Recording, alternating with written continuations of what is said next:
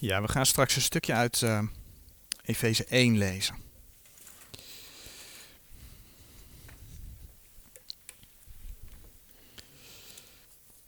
Efeze 1. Tot nu toe hebben we stilgestaan bij de wedergeboorte, bij het werk van de Heilige Geest in de gelovigen, bij verlossing, toerekening, rechtvaardigmaking, verzoening, aanneming. We hebben gezien dat door het horen van het woord mensen tot geloof kunnen komen. Dat ze dan verzegeld worden door de Heilige Geest. En wanneer de mens Gods levende geest ontvangen heeft, dat die mens levend wordt voor God, levend is geworden voor God, dat die mens een nieuw schepsel is geworden, hij is opnieuw geboren. Ook zagen we dat die mens dan door de Heilige Geest gedoopt is in het lichaam van de Heer Jezus. Dat hij geestelijk besneden is.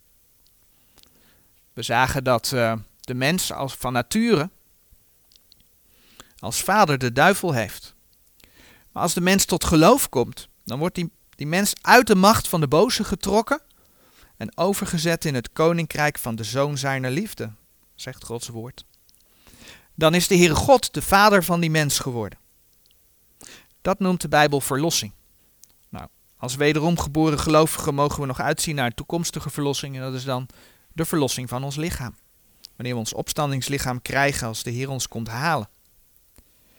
Als wederom geborene is de gelovige dus in Christus. Zijn zonden worden hem niet meer toegerekend, want die zijn toegerekend aan de Heer Jezus en de Heer Jezus heeft ze weggedragen.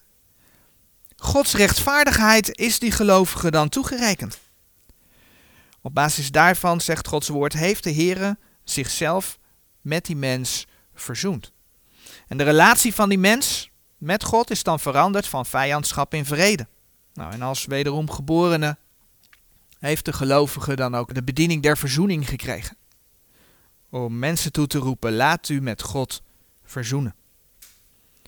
Ook zagen we dat de Heere de wederomgeborene aangenomen heeft als een volwassen kind. Dat is de laatste keer waar we de studie waar we de laatste keer bij hebben stilgestaan. En de praktijk is nog niet altijd zo, maar de positie is die van een volwassen zoon, van een volwassen kind. En als volwaardig kind van God is die mens enorm gezegend. De Heere leidt hem door zijn geest. De Heere heeft zijn kind lief. Hij zorgt voor zijn kind. We zagen dat uh, de Heere de gemeente voedt en onderhoudt. En we zagen dat de wederomgeborene een erfenis krijgt. En ja, niet alles blijkt leuk te zijn. De gelovigen krijgen ook te maken met kastijding. De Heere tuchtigt die hij, die hij lief heeft. Maar er staat wel tegenover dat dat tot zijn nut is. Dat dat vrucht oplevert. Nou, over de zegening die we als kinderen van God ontvangen hebben, daar schrijft ook Efeze 1, vers 1 tot en met 14. En de vorige keer hebben we daar al enkele versen uit gelezen. Maar laten we vandaag die 14 versen lezen. De eerste versen van Efeze.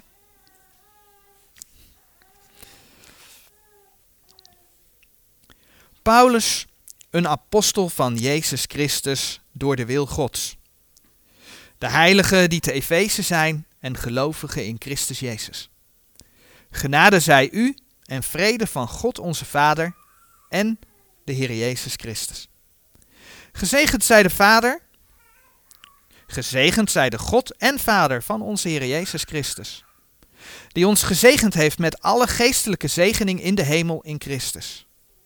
Gelijk Hij ons uitverkoren heeft in Hem, voor de grondlegging der wereld, opdat wij zouden heilig en onberispelijk zijn voor Hem in de liefde die ons tevoren verordineerd heeft tot aanneming tot kinderen, door Jezus Christus in zichzelf, naar het welbehagen van Zijn wil.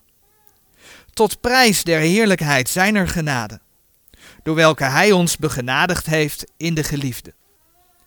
In welke wij hebben de verlossing door Zijn bloed, namelijk de vergeving der misdaden, naar de rijkdom Zijner genade met welke hij overvloedig is geweest over ons in alle wijsheid en voorzichtigheid, ons bekendgemaakt hebbende de verborgenheid van zijn wil, naar zijn welbehagen, het welk hij voorgenomen had in zichzelf, om in de bedeling van de volheid der tijden wederom alles tot één te vergaderen in Christus, beide wat in de hemel is en wat op de aarde is.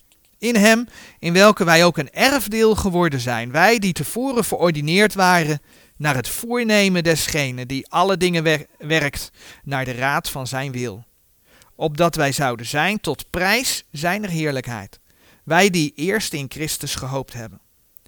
In welke ook gij zijt, nadat gij het woord der waarheid, namelijk het evangelie uw zaligheid gehoord hebt, in welke gij ook, nadat gij geloofd hebt, zijt verzegeld geworden met de heilige geest der belofte, die het onderpand is van onze erfenis, tot de verkregen verlossing, tot prijs zijner heerlijkheid. Zoals Efeze 1 vers 3 zegt, laat dit gedeelte zien dat wij als gelovigen in Christus Jezus, Efeze 1 vers 1, in Christus Jezus gezegend zijn met alle geestelijke zegening in de hemel. Dat zegt Efeze 1 vers 3. De vorige Bijbelstudie hebben we al kort stilgestaan bij de versen 3 tot en met 5. Omdat daar gesproken wordt over die ons tevoren verordineerd heeft tot aanneming tot kinderen. We hebben de vorige keer over die aanneming gesproken. En toen is kort het woord uitverkiezing ter sprake gekomen en heb ik kort aangehaald dat uitverkiezingen eigenlijk helemaal niets te maken heeft met behouden worden. Dat is wel wat je meestal hoort. Vandaag willen we dieper op dat woordje ingaan. Want ook dat is blijkbaar een woord dat thuis hoort in dat rijtje. Hè? Wedergeboorte, verlossing, toerekening, rechtvaardigmaking, verzoening en aanneming. Uitverkiezing hoort daarbij. Maar wij zijn dus gezegend.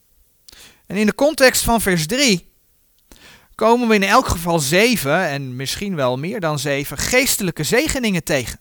In vers 4, daar lezen we dat we als wederom geboren gelovigen uitverkoren zijn, opdat we heilig en onberispelijk zouden zijn voor Hem in de liefde. In vers 5 lezen we dat de Heer ons bestemd, tevoren verordineerd, uitverkoren heeft om aangenomen te worden als kinderen. In vers 6 hebben we gelezen dat Hij ons begenadigd, de King James zegt, geaccepteerd heeft in de geliefde. In vers 7 lezen we dat wij de verlossing hebben door zijn bloed, namelijk de vergeving der misdaden, de vergeving van de zonde. Vers 8 zegt eigenlijk nog iets over vers 7, over die verlossing door zijn bloed. Maar je zou het ook als een aparte zegening kunnen zien. Dat de Heere naar de rijkdom zijner genade overvloedig over ons geweest is. De Heere wil de mens overvloedig geven. En in hem mogen we zeggen, de Heere heeft ons overvloedig gegeven. In vers 9 lezen we dat hij ons de verborgenheid van zijn wil bekendgemaakt heeft. De Heer houdt ons niet in het ongewisse. In vers 11 en 14 lezen we dat we ook een erfenis krijgen, waarvan in ieder geval deels de Heilige Geest het onderpand is, als het gaat om behoud, hè, vers 14.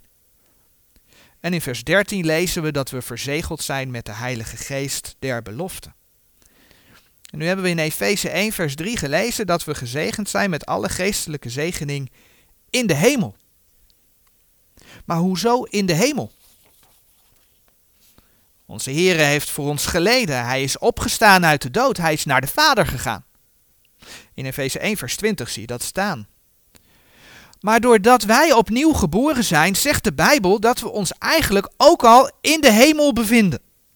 En dat is natuurlijk iets wat heel moeilijk te volgen is. Wij leven op aarde, zelfs nog in ons zondige lichaam, en ondervinden daarvan de strijd. Dus hoezo in de hemel? van onze Heren begrijpen we misschien nog enigszins dat hij van zichzelf zei toen hij op aarde was. De tekst verschijnt op de dia, Johannes 3, vers 13. En niemand is opgevaren in de hemel dan die uit de hemel nedergekomen is, namelijk de zoon des mensen die in de hemel is. Met andere woorden, Jezus Christus was op aarde, maar hij was tevens in de hemel. En toch in geestelijke zin. er is sprake van geestelijke zegeningen in Efeze 1, vers 3. Geldt dat dus ook voor ons? Ook wij zijn nu door de, door de wedergeboorte in geestelijke zin ook al in de hemel. Kijk maar um, in Efeze 2, vers 6. In Efeze 2, vers 6, daar staat geschreven. En heeft ons mede opgewekt en heeft ons mede gezet in de hemel in Christus Jezus. Dat is wat de Bijbel zegt. Wij zijn in Christus Jezus in de hemel gezet. En kijk wat de Bijbel zegt in Filippenzen 3 vers 20. De tekst verschijnt weer op de dia. Maar onze wandel is in de hemelen, waaruit wij ook de zaligmaker verwachten, namelijk de Heer Jezus Christus. Dus wij zijn in de hemel gezet en onze wandel is in de hemelen. Hoe kan dat? Omdat wij door de wedergeboorte in de Heer Jezus gedoopt zijn. Wij zijn met Hem begraven en opgestaan door de wedergeboorte. We zijn één met Hem. In Efeze 1, vers 22 en 23, daar lees je dat bijvoorbeeld. In Efeze 1, vers 22, daar staat: En heeft alle dingen zijn voeten onderworpen, en heeft hem der gemeente gegeven tot een hoofd boven alle dingen, welke zijn lichaam is, en de vervulling desgene die alles in alle vervult. Hier staat eigenlijk dat de Heer Jezus het hoofd is van zijn lichaam, de gemeente. De Heer Jezus en zijn gemeente zijn één. In 1 Korinthe 6, vers 17 zegt dan nog zo mooi dat die van de Heer Jezus is, één geest met hem is. 1 Korinthe 6, vers 17. Hou de hand bij Efeze, want daar komen we zo meteen weer terug. 1 Korinthe 6, vers 17.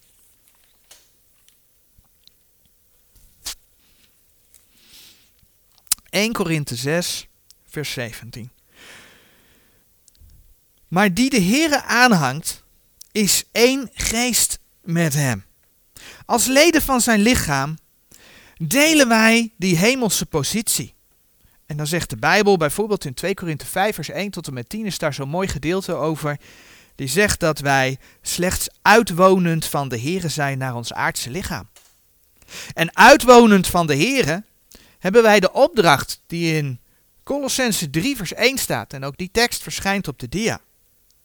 Indien gij dan met Christus opgewekt zijt, indien je wederom geboren bent, zo zoek de dingen die boven zijn waar Christus is, zittende aan de rechterhand Gods. Dus zoek de dingen die boven zijn. Maar onze wandel is in de hemelen. Filippenzen 3, vers, 21, uh, eh, vers 20. Laten we ondanks alle moeilijke dingen, alle strijd die we soms ervaren, de dingen zoeken die boven zijn. Want onze wandel is toch in de hemelen. En op een later tijdstip, wanneer wij ons opstandingslichaam ontvangen hebben, zullen we ook lichamelijke zegeningen ontvangen. Dan is alles volmaakt. Maar nu is Gods zegen in de eerste plaats een geestelijke zegen. Maar door het gedeelte wat we gelezen hebben heen, zien we dat die zegeningen in Efeze 1 voor een groot deel te maken hebben met uitverkiezing. In Efeze 1, vers 4, het eerste stukje, daar lezen we gelijk hij ons uitverkoren heeft in hem voor de grondlegging der wereld.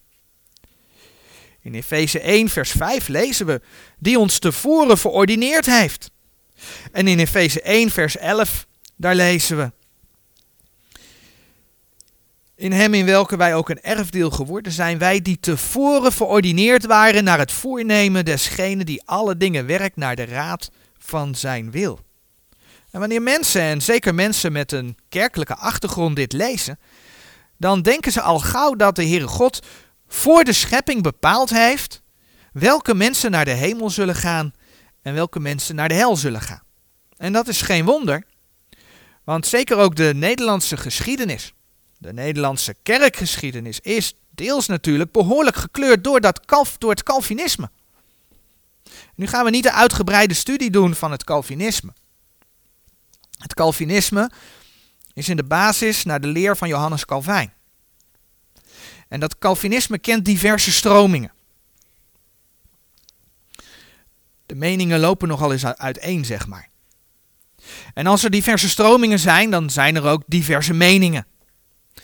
Maar het Calvinisme heeft het Bijbelse woord uitverkiezing inderdaad de betekenis gegeven dat de Heere God door de schepping bepaald heeft wie er behouden is en wie er naar de hel gaat. En om dit te onderstrepen, laat ik een aantal citaten horen uit Calvinistische hoek. Allereerst een citaat van Calvijn zelf. Uit zijn De Instituten van de Christelijke Religie. En ik citeer een stukje. Met uitverkiezing bedoelen we het eeuwige besluit van God, waarmee hij met zichzelf bepaalde wat hij met elk mens wilde laten gebeuren. Ze zijn niet allemaal op gelijke voorwaarden geschapen, maar sommige zijn voorbestemd voor het eeuwige leven, andere voor eeuwige verdoemenis. En dienovereenkomstig, zoals elk voor een van deze doeleinden is geschapen, zeggen we dat hij voorbestemd is tot het leven of tot de dood. Tot zover een citaat uit het werk van Calvijn. Dit citaat spreekt eigenlijk voor zichzelf. Deze visie van Calvijn vind je door diverse geloofsbelijdenissen heen. Zo zegt de beleidenis van Westminster, dat is een Engelse gereformeerde beleidenis, die tussen 1643 en 1648 opgesteld is. En die, die uh, beleidenis van Westminster, die zegt het volgende, en ik citeer weer een stukje. Door het besluit van God voor de manifestatie van zijn glorie zijn sommige mensen en engelen voorbestemd tot eeuwig leven en andere voorbestemd tot eeuwige dood. Deze engelen en mensen, al dus uitverkoren en voorbestemd, zijn bijzonder en onveranderlijk ontworpen en hun aantal is zo zeker en definitief dat het niet kan worden verhoogd of verminderd. Voor de rest van de mensheid heeft het God behaagd, naar de onnaspeurlijke raad van zijn wil, waarmee hij zijn genade uitdeelt, of onthoudt naar zijn wil, voor de glorie van zijn soevereine macht over zijn schepselen, om hen voorbij te gaan, en hen te verordenen tot schande en toren van hun zonde, tot lof van zijn heerlijke gerechtigheid. Tot zover het citaat uit de beleidenis van Westminster. En zo is het bijvoorbeeld ook in de beleidenis des geloofs der gereformeerde kerken in Nederland terechtgekomen. En dus ook weer uh, bijvoorbeeld in, bekend als de Nederlandse geloofsbeleidenis. In artikel 16 van de eeuwige verkiezing Gods uit die beleidenis. Daar lezen we, en ik citeer weer een stukje. Wij geloven dat het gehele geslacht van Adam door de zonde des eerste mensen in verderfenis en ondergang zijnde, God zichzelf zodanig bewezen heeft als hij is, te weten, barmhartig, doordien hij uit deze verderfenis trekt en verlost degene die hij in zijn eeuwige en onveranderlijke raad uit enkel goede tierenheid uitverkoren heeft in Jezus Christus onze Here, zonder enige aanmerking hunner werk. Rechtvaardig, doordien hij de anderen laat in hun val en verderf, waar zij zichzelf in geworpen hebben. Tot zover uh, het citaat uit de beleidenis des geloofs der gereformeerde kerken in Nederland. Nu wordt er heel verschillend met deze beleidenissen omgegaan. Er zijn mensen die de uitverkiezing prediken en die bijvoorbeeld evangeliseren. Het is een oproep in de Bijbel om gezanten van Christus te zijn en zij doen dat. Waarschijnlijk om de voorbestemden die nog niet geloven te bewegen tot het geloof. Maar er zit wel een moeilijkheid, want het Calvinisme, vele stromingen leren dat je dus in feite niet tot geloof kunt komen. Daar ga ik het zo nog een stukje over hebben. Maar er zijn dus ook mensen die de uitverkiezing prediken en die dus nooit zullen evangeliseren, omdat God zelf zijn voorbestemden zal bereiken. Mensen kunnen volgens hen dus niet zelf een wilsbeslissing nemen, voor of tegen de Heer. Vaak zie je dat de uitverkiezing ook een hoop onzekerheid brengt. Want volgens hen kun je wel geloven, maar nooit zeker weten of de Heere God je uitverkoren heeft. Want hoe weet je nou of God jou uitverkoren heeft? En ja, als je dan gelooft en God heeft je niet uitverkoren, dan ga je dus alsnog naar de hel. Daar komt ook de uitspraak vandaan die je nog wel eens hoort. Het moet je maar gegeven zijn. Ja, je, je, weet het dan niet zeker. Dat is het trieste van uh, de leer van de, de uitwerking van de leer van Calvijn. Eén ding is zeker. De Calvinistische uitverkiezingsleer is onbijbels. Het is juist de wil van God dat alle mensen behouden worden. In het Oude Testament vinden we reeds dat de Heere zegt, en dan zoeken we Ezekiel 33, vers 11 op. Ik begin bewust in het Oude Testament, omdat je zelfs in het Oude Testament ziet dat God mensen wil behouden. Ezekiel 33, vers 11.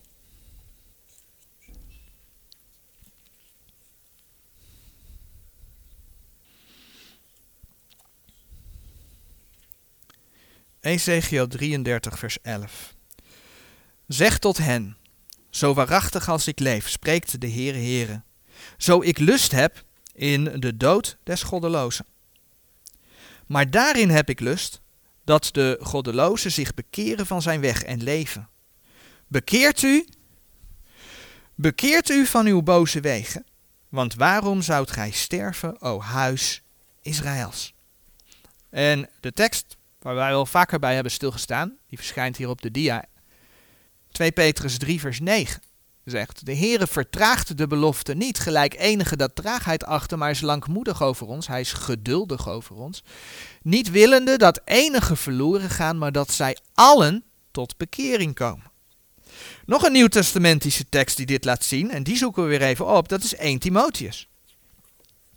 1 Timotheus 2. 1 Timotheus 2, vers 3 en 4.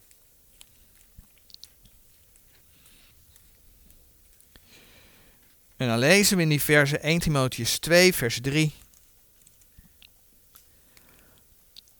Want dat is goed en aangenaam voor God onze zaligmaker, welke wil dat alle mensen zalig worden en tot kennis der waarheid komen. Wanneer mensen niet zelf kunnen kiezen, waarom zou de Heer Jezus dan bijvoorbeeld in Johannes 8, vers 24, Johannes 8, vers 24, het volgende zeggen? Johannes, hoofdstuk 8, vers 24. Ik heb u dan gezegd dat gij in uw zonde zult sterven, want indien gij niet gelooft dat ik die ben, gij zult in uw zonde sterven. Blijkbaar hoeven ze niet in hun zonde te sterven, als ze de Jezus geloven. In een van de citaten die ik heb voorgelezen, daar werd gesteld dat zelfs het aantal van de voorbestemden tot het eeuwige leven en het aantal van de voorbestemden tot het eeuwige dood vast zouden liggen. Die aantallen zouden niet verhoogd of verminderd kunnen worden. Dan bladeren we naar 1 Korinthe 9. Waarom zou dan de apostel Paulus in 1 Korinthe 9, vers 19 het volgende zeggen? 1 Korinthe 9, vers 19.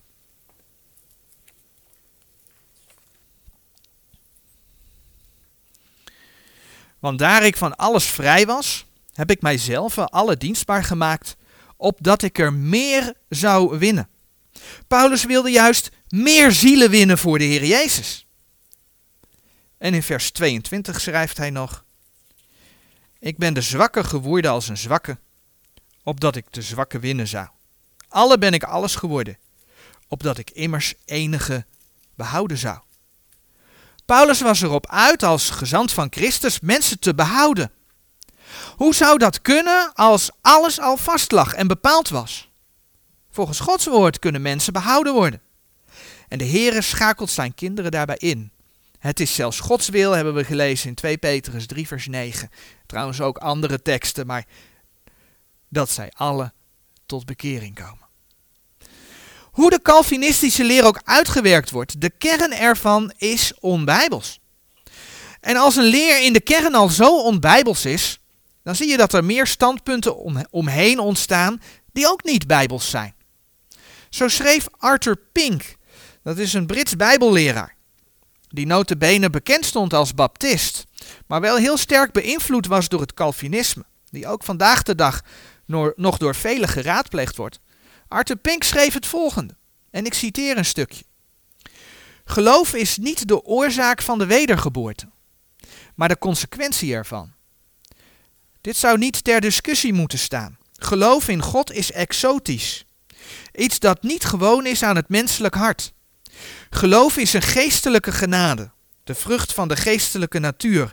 En omdat de niet wederom geboren mensen geestelijk dood zijn, dood door de misdaden en de zonde, is het onmogelijk voor hen om te geloven, want een dode mens kan helemaal niets geloven. Tot zover het citaat van Arthur Pink.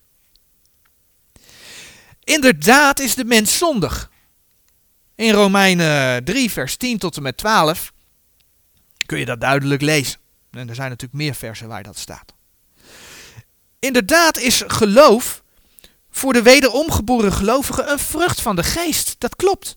Kijk maar in Galaten 5 vers 22. De tekst staat hier op de dia. Maar de vrucht des geestes is liefde, blijdschap, vrede, langmoedigheid, goede tierenheid, goedheid, geloof, zachtmoedigheid, matigheid.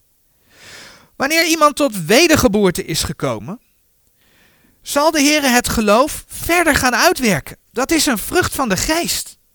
Maar dat wil niet zeggen dat iemand die verloren is, met een verdorven natuur, niet tot erkentenis der waarheid zou kunnen komen. Niet zou kunnen inzien dat hij of zij zondig is. En daarom het offer van de Heer Jezus nodig heeft. Sterker nog, Gods woord laat zien dat het allemaal begint met geloof. De tekst Efeze 1 vers 13, waar we bij de uh, wedergeboorte uitgebreid bij hebben stilgestaan, die spreekt de boekdelen. Die is daar heel stellig in. In welke ook gij zijt nadat gij het woord der waarheid, namelijk het evangelie uw zaligheid gehoord hebt, in welke ook gij nadat gij geloofd hebt, zijt verzegeld geworden met de heilige geest der belofte. Wanneer wordt een mens wederom geboren? Wanneer wordt een mens verzegeld met de heilige geest? Nadat gij geloofd hebt. Geloof gaat vooraf aan de wedergeboorte en dat de Heer dat geloof verder gaat uitwerken door de leiding van zijn geest, is een ding wat vaststaat. Maar het begint met geloof. Dat is wat Gods woord zegt. Dus er klopt iets niet met die Calvinistische uitverkiezing.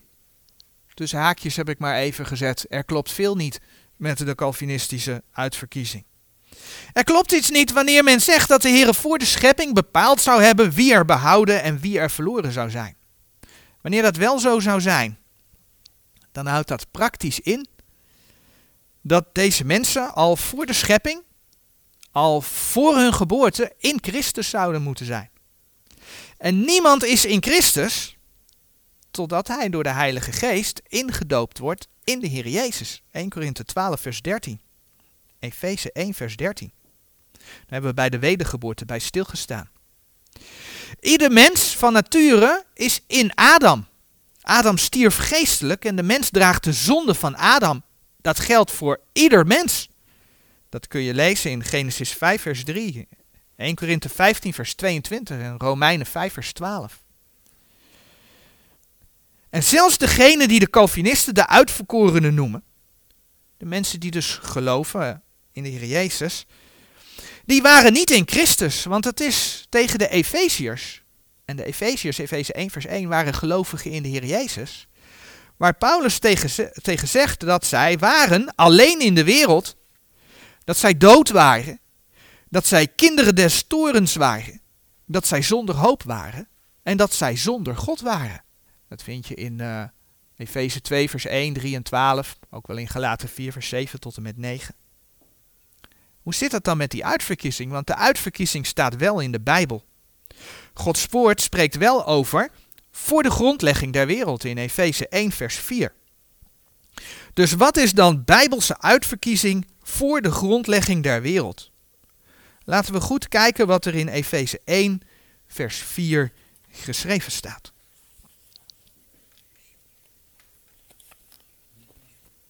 Efeze 1 vers 4. Gelijk hij ons uitverkoren heeft in hem en ik benadruk nu natuurlijk even een stukje uit de zin. Gelijk hij ons uitverkoren heeft in hem, voor de grondlegging der wereld. Opdat wij zouden heilig en onberispelijk zijn voor hem in de liefde. Het gaat erom dat de tekst laat zien dat God je uitkoos in hem. In Christus. In zijn zoon. God wist voor de schepping. De Heere God is almachtig. De Heere God is alwetend. Hij wist voor de schepping of jij zijn zoon als je persoonlijke verlosser zou accepteren of niet. En op grond daarvan koos hij je uit. God heeft voorkennis. En daarom lezen we in 1 Petrus 1 vers 2 de uitverkorenen naar de voorkennis van God de Vader. Maar waar koos de Heere God de mensen voor uit in de Heer Jezus? Nou, dan zegt bijvoorbeeld Efeze 1, vers 5, die ons tevoren verordineerd heeft tot aanneming tot kinderen. Maar zo zijn er ook andere dingen waar de Heere mensen die zijn zoon zouden aannemen toe uitverkoren heeft. Bijvoorbeeld om zijn zoon gelijkvormig te worden. En een voorbeeld daarvan lezen we in Romeinen 8, vers 29. In Romeinen 8, vers 29. Daar staat geschreven.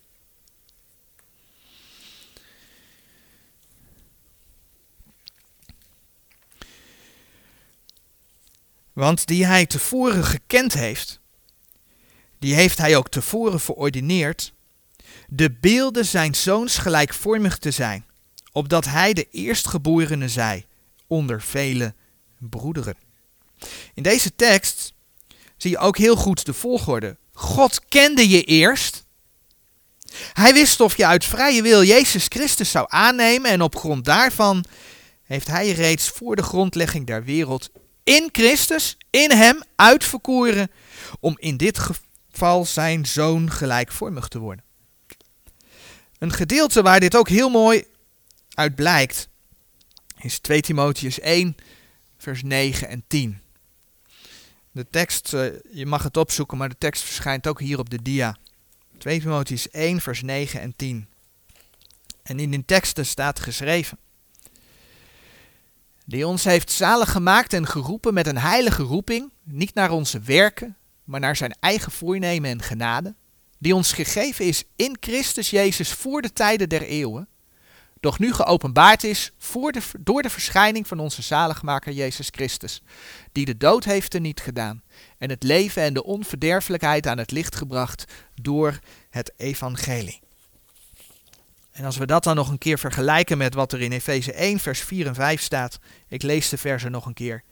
Gelijk hij ons uitverkoren heeft in hem voor de grondlegging der wereld. Opdat wij zouden heilig en onberispelijk zijn voor hem in de liefde. Die ons tevoren verordineerd heeft tot aanneming tot kinderen door Jezus Christus in zichzelf naar het welbehagen van zijn wil. Dan zien we dat de Heer reeds voor de schepping bepaald had dat hij niemand zou uitverkiezen om heilig en onberispelijk te worden, dan alleen in Christus. Hij roept, wij hebben de vrije keus. Onze eigen wil om hem aan te nemen op grond van zijn voorkennis.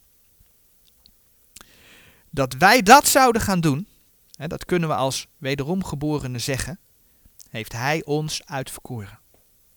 En wanneer we goed lezen, dan zien we dus dat uitverkiezing helemaal niet direct te maken heeft met gered worden met behouden worden, maar met drie andere dingen die eigenlijk volgen op het gered zijn.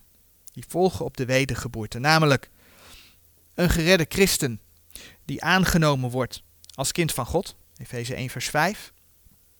Dat volgt op de wedergeboorte. Een geredde christen die opgenomen wordt en gelijkvormig wordt aan de Heer Jezus Christus.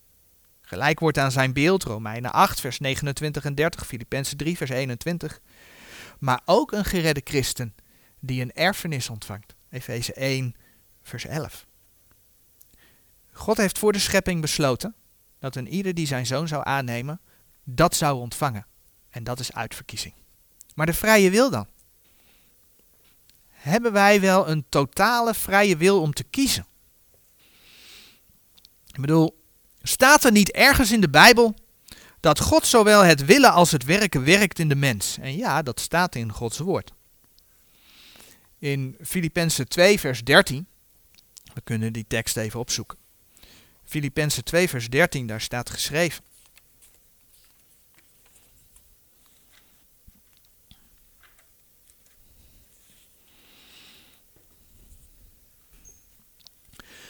Want het is God die in u werkt, beide het willen en het werken naar zijn welbehagen. Maar weet je, de brief aan de Filippenzen, kijk maar in Filippenzen 1 vers 1, is geschreven aan wederom geboren gelovigen. Zo lezen we in het vers voor Filippenzen 2 vers 13, oftewel vers 12. Daar lezen we, alzo dan mijn geliefde, gelijk gij alle tijd gehoorzaam geweest zijt, niet als in mijn tegenwoordigheid alleen, maar veel meer nu in mijn afwezen. werkt uw zelfzaligheid met vrezen en beven.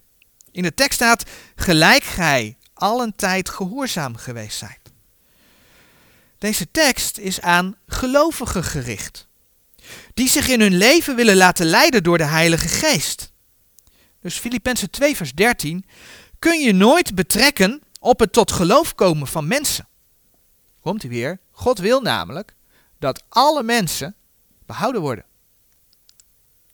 1 Timotheus 2 vers 4 bijvoorbeeld. Dat is Gods wil.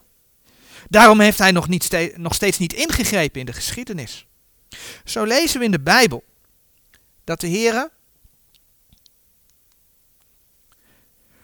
door de Heilige Geest werkt. En hij werkt door de Heilige Geest niet om de uitverkorenen te overtuigen.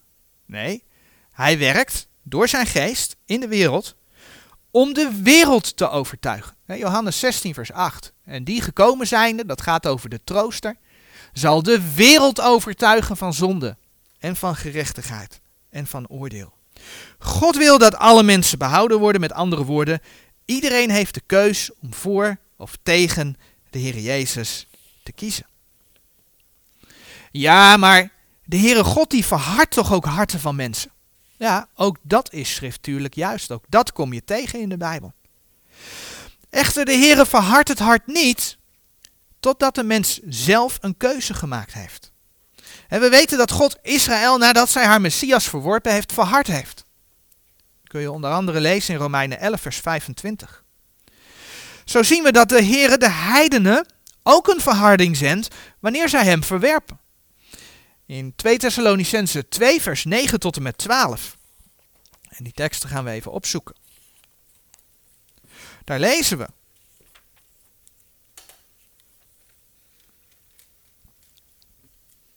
Twee Thessalonicense 2, vers 9 tot en met 12. Het gaat overigens hier over de antichrist. En dan staat er geschreven, hem zeg ik wiens toekomst is naar de werking des Satans in alle kracht en tekenen en wonderen der leugen. En in alle verleiding der onrechtvaardigheid in degenen die verloren gaan. Daarvoor dat zij de liefde der waarheid niet aangenomen hebben om zalig te worden. En daarom zal God hun zenden een kracht der dwaling, dat zij de leugen zouden geloven. Opdat zij alle veroordeeld worden die de waarheid niet geloofd hebben, maar een welbehagen hebben gehad in de ongerechtigheid. Je ziet hier dat mensen pas verloren gaan, dat God pas een kracht der dwaling stuurt als deze mensen de liefde der waarheid niet aangenomen hebben. Dat is de volgorde in dit stuk. De mens, blijkt ook hier weer uit, heeft wel degelijk een keus. En een voorbeeld dat ik erg mooi vind, dat is een voorbeeld wat we vinden in de uittocht uit Egypte. De uittocht van het volk Israël uit Egypte. En in Romeinen 9, vers 17, die tekst die verschijnt hier op de dia. Daar lees je, want de schrift zegt tot Farao, tot ditzelfde heb ik u verwekt, opdat ik in u mijn kracht bewijzen zou, en opdat mijn naam verkondigd worden op de ganse aarde. Nou, je snapt dat de Calvinisten bij dit vers zeggen, zie je wel dat er uitverkiezing is? God heeft Farao verwekt, opdat, zegt hij, ik in u mijn kracht bewijzen zou. Dat is uitverkiezing, zeggen ze dan. God verwekte Farao om zijn kracht te bewijzen. Maar Farao was niet voorbestemd om te branden in de hel. Ook Farao kreeg namelijk de vrije keus. Maar ook hier had de Heere, en dan komt hij weer, voorkennis. De voorkennis die staat in Exodus 3. Exodus 3 vers 19. In Exodus 3 vers 19, daar zie je dat God zegt, Doch ik weet dat de koning van Egypte uw niet zal laten gaan, ook niet door een sterke hand. God wist dat. De Heere wist dat de farao niet in hem wilde geloven. En daarom heeft hij deze man uitgekozen om zijn kracht te bewijzen. Vervolgens lezen we in Exodus 4, vers 21 nog een keer wat de Heere met zijn voorkennis van plan was te doen. 4 vers 21. En de Heere zeide tot Mozes, terwijl gij heen trekt om weder in Egypte te keren, zie toe dat gij al de wonderen doet voor Farao die ik in uw hand gesteld heb. Doch ik zal zijn hart verstokken dat hij het volk niet zal laten gaan. Maar Farao kreeg wel degelijk de kans om naar de Heeren te luisteren. In Exodus 5 lezen we dat Mozes en Aaron voor de eerste keer voor Farao verschenen en hem vroegen of het volk mocht vertrekken in naam van de Heeren. En dan maakt Farao zijn keuze. Je leest in Exodus 5 vers 2 het volgende. Maar Farao zeide, wie is de Heere wiens stem ik gehoorzamen zou om Israël te laten trekken? Ik ken de Heere niet en zal ook Israël niet laten trekken. En pas daarna, in Exodus 7 vers 13, lezen we over het feit dat de Heere daadwerkelijk Farao's hart verhardt. Exodus 7 vers 13. Doch Farao's hart verstokte, zodat hij naar hen niet hoorde, gelijk de Heere gesproken had. En dit lees je pas nadat Farao zijn keuze heeft gemaakt. En dan lees je bijvoorbeeld in Exodus 9 vers 12 nog. Doch de Heere verstokte Farao's hart, dat hij naar hen niet hoorde, gelijk de Heere tot Mozes gesproken had.